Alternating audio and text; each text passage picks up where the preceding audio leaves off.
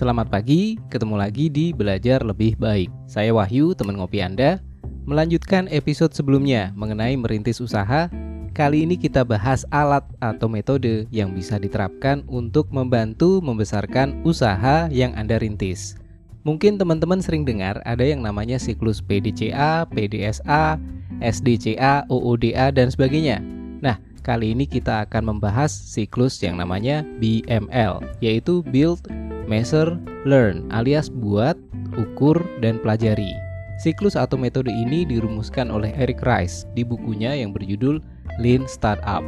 Walaupun namanya BML, tapi paling awal sekali yang perlu dilakukan adalah merencanakan. Pada titik ini, kita menentukan ide awalnya. Apa sih yang akan diuji dan informasi apa yang ingin dipelajari?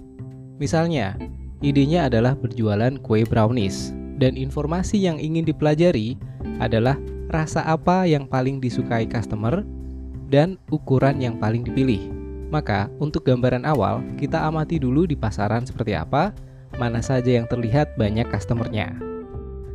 Berikutnya masuk ke langkah pertama siklus BML yaitu B atau build alias membangun atau membuat dari ide menjadi produk.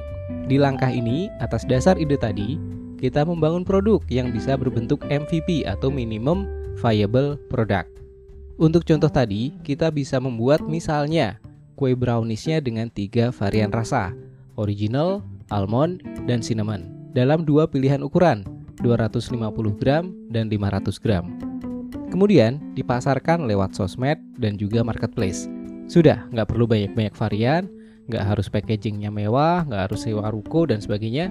Yang penting adalah produk tersebut sudah layak untuk dijual ke pasaran.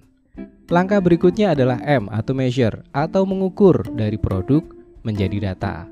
Pada tahap ini, dari produk yang diluncurkan, kita memperoleh feedback dari pasar berupa data yang bisa dianalisa, yaitu apa saja yang terjadi, varian rasa mana yang lebih laku, pilihan ukuran mana yang banyak dipilih, dan apa saja masukan customer, dan sebagainya.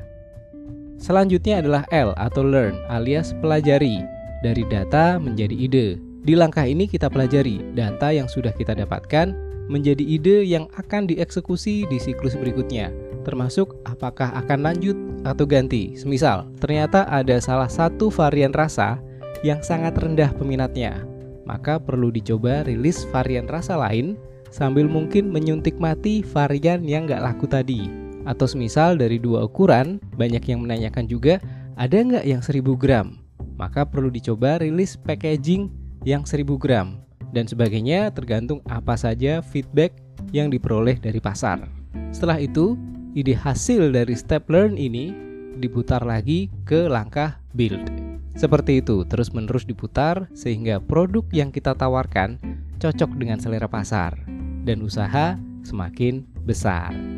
Jadi secara singkat, BML berawal dari perencanaan untuk menentukan ide, kemudian masuk ke build atau buat dari ide menjadi produk, kemudian selanjutnya adalah measure atau ukur dari produk menjadi data, dan dari data adalah learn atau pelajari menjadi ide yang terus diputar lagi ke langkah build BML berikutnya dan seterusnya dan seterusnya.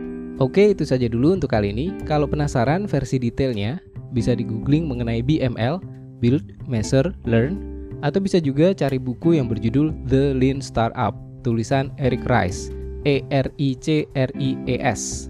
Stay safe, tetap semangat. Sampai ketemu di episode berikutnya. Bye.